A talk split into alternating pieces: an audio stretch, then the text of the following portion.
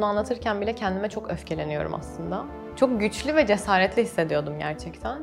Ee, Ve çok eğlenceli hissediyordum. Kaybetsem bile bir sonrakinde kazanacağıma gerçekten çok emin olarak başlıyordum. Bir dönem hatta maalesef e, okul harcımı yatırmıştım daha fazlasını kazanmak umuduyla. Yaşadığım gerçekten çok çok yoğun bir utanç duygusu.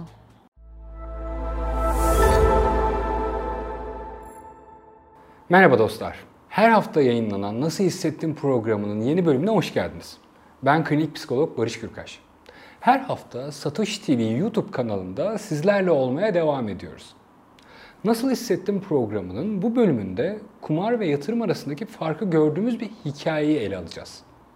Hep söylerim, yatırım kumardan oldukça uzak bir durum. Faydalı ve kişiyi besleyen bir davranış aslında yatırım. Bizler için var yatırım. Ancak kontrollü olunmadığında bir yatırım da kumar haline dönüşebiliyor. Bunu özellikle kripto para gibi volatil piyasalarda daha sık görüyorum. Bugünkü hikayemizin kahramanı Seçil. Merhaba Seçil, hoş geldin. Merhabalar, hoş bulduk. Bize hikayenden bahsetmek ister misin? Ee, Evet anlatmayı çok istiyorum ama bunu anlatırken bile kendime çok öfkeleniyorum aslında. Ee, Sürecim küçük bir parayla aslında e, o, o dönem kazanabileceğimden çok daha fazlasını kazanmakla başlamıştı. Hmm, Hangi dönemdi o dönemler? O dönem olarak tanımladığın? Ee, Üniversite yıllarımda aslında, üniversitenin başlarıydı. O dönemki erkek arkadaşımla başlamıştık. Ben çok fazla e, bu konularda hakim değildim. Hiç bilmediğim bir alan olmasına rağmen çok bana keyifli bir etkinlik, bir Hmm. aktivite gibi gelmeye Birlikte de başlamıştı. oynuyordunuz anladığım kadarıyla. Evet. Birlikte aktivite gibi gelmeye başlamıştı gerçekten. Yani kimin kazanıp kaybedeceğini takip ettiğimiz bir süreç. Ve sonucunda da e, bizim tarafımız kazanıyorsa birlikte duyduğumuz haz ve coşku çok çok güzeldi. Çok Nasıl yüksekti. hissediyordun o dönemde? Çok güçlü ve cesaretli hissediyordum gerçekten. E, ve çok eğlenceli hissediyordum. Peki hep böyle kazanmaktan bahsediyorsun da hep kazanıyor muydunuz? E, tabii ki hep kazanmıyorduk aslında ama kazandığımızda da gerçekten e, o dönem için güzel paralar kazanıyorduk. E, ve, e, ve bu bizi gerçekten çok motive ediyordu. E, bir sonrakinde kaybetsem bile bir sonrakinde kazanacağıma gerçekten çok emin olarak başlıyordum. Seçil'in verdiği örnekte tipik bir bahis bağımlılığından söz edebiliriz. Bahis bağımlılığı tekrarlayıcı bir şekilde aslında karşımıza çıkıyor bu tarz durumlarda. Tekrar tekrar oynama isteği, kazanacağına dair yüksek bir inanç sahibi Seçil gördüğünüz gibi. Ve oynadıkça daha fazla kazandıklarına odaklanıp kaybettiklerini görmezden gelme ya da kaybettiklerine dair yüksek bir tekrardan bunları tolere edip kazanacağına dair bir inanışı var. Eş zamanlı olarak Seçil aynı zamanda bu oynadığı bahise dair sürekli düşünceler içinde, sürekli gün içinde buna dair şeyler düşünüyor ve planlamalar yapıyor. Bu da aslında bir bağımlılık göstergesi gibi. Ve bu onun sürekli daha fazla yatırmasına, sürekli onlarla daha meşgul olmasına, bu ortamlarda daha fazla bulunmasına sebep oluyor. Ve bu sıklığı, bu kadar meşgul oluşu, bunları sürekli düşünüşü ve sürekli daha fazla kazanmaya dair ihtiyacı onun aslında zorlandığının önemli göstergelerinden biri.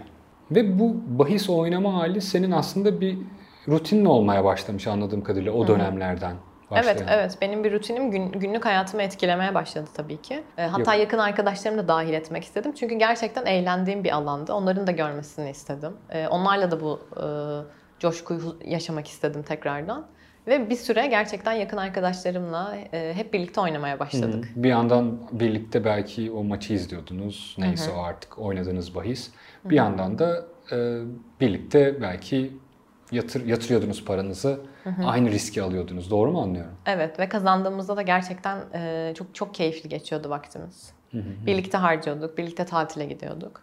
E, Anladığım kadarıyla çok kazanmışsın o dönemde. Sürekli çünkü kazandığından bahsediyorsun. Evet, miktar olarak aslında o dönemde kazandım. Tabii ki sadece kazandığım bir süreç değildi.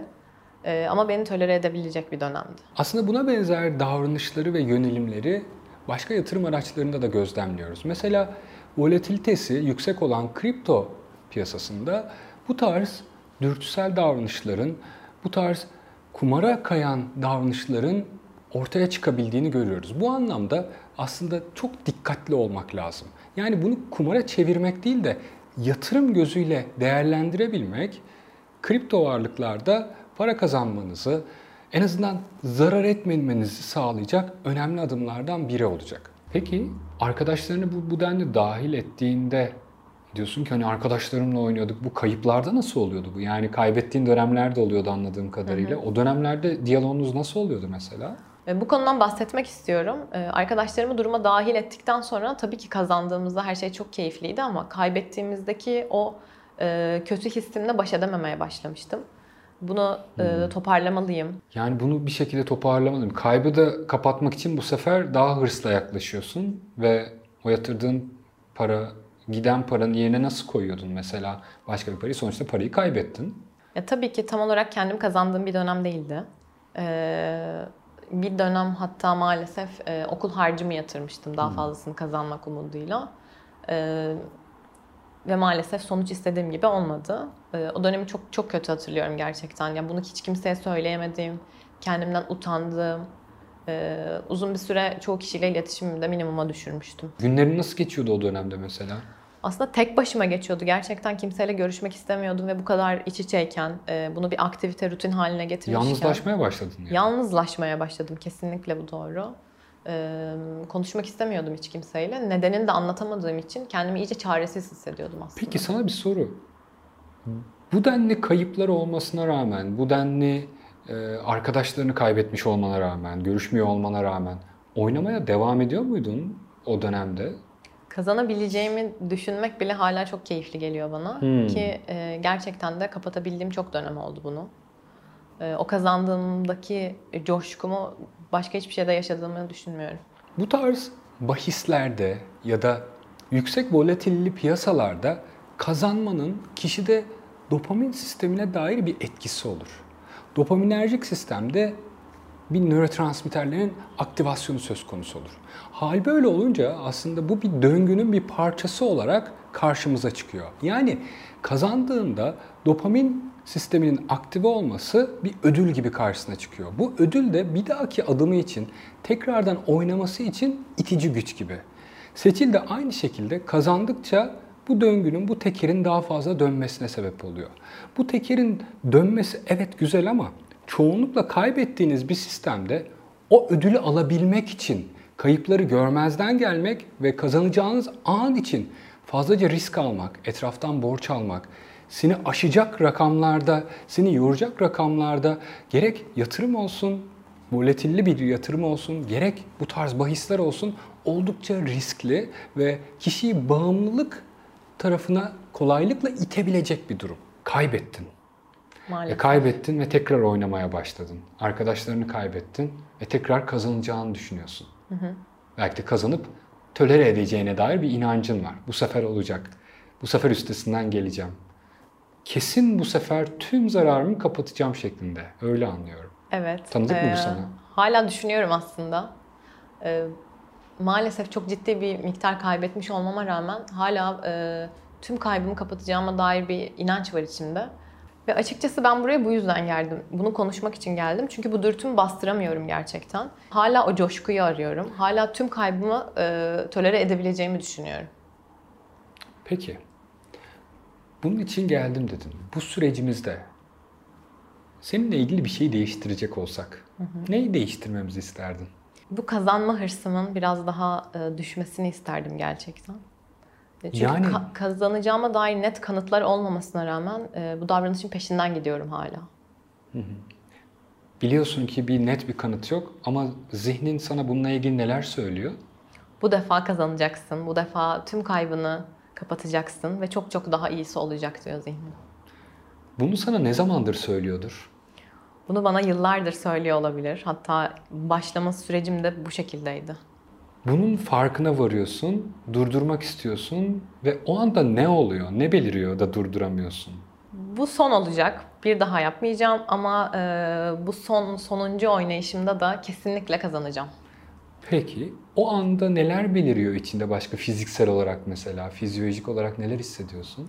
Çok heyecanlanıyorum aslında ve e, gerçekten cesaretli hissediyorum kendimi. Bir anda daha güçlü hissediyorum. Buna sanki adım atabildiğim için daha daha iyi hissediyorum. E, ve maalesef bunun O heyecanın peşinden gidiyorsun. Gidip de evet e, bu adımı atmış oluyorum. Genellikle kişilerin ellerinde bu adımda kazanacaklarına dair herhangi bir kanıt olmamasına rağmen tekrardan kazanacakmışçasına adım atmaları aslında attıkları adımı masum çıkarma konusunda yani o dopamin ödülünün peşinden gitme konusunda bir bahane gibi. Bu sefer de oynayayım, bu sefer de yatırayım, bunu da yatırayım, bir daha asla içeri girmeyeceğim. Bir daha asla oynamayacağım. Bir daha asla bu bu tarz bir yatırım yapmayacağım şeklindeki söylemler kişinin kendisini aklamak için ve gerçekten de kapatmak için bir anahtar gibi. Fakat hiç kimse kazandıktan sonra bunu kapatamıyor. Zaten daha önce de kazanmıştı. Tekrar kazansa da tekrar bu dopamini, tekrar bu ödül sistemini aktive edecek ve bu uyaranla beraber bir sonraki adım için daha büyük bir şekilde, daha büyük riskler alarak adım atma ihtimali ortaya çıkacak. Dolayısıyla aslında burada bırakıp zararını gerekiyorsa, özellikle de bu bağımlılık döngüsüne girmiş bir durumsa, kayıpları artmaya başladıysa ve kontrolden çıkan bir çığ oluşmaya başladıysa bazen o zararı kesmek en karlı hal olur.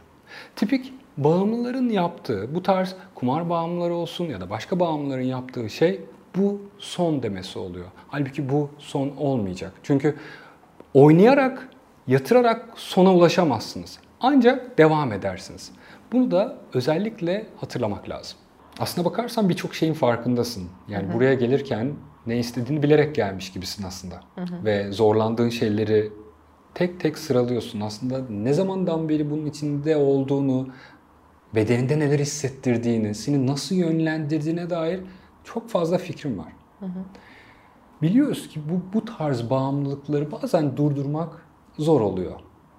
Bu konuda aslında zorlanmanı da normal karşılıyorum. Yerinde kim olsa zorlanır böyle bir durumda. Onu da seninle paylaşmak isterim.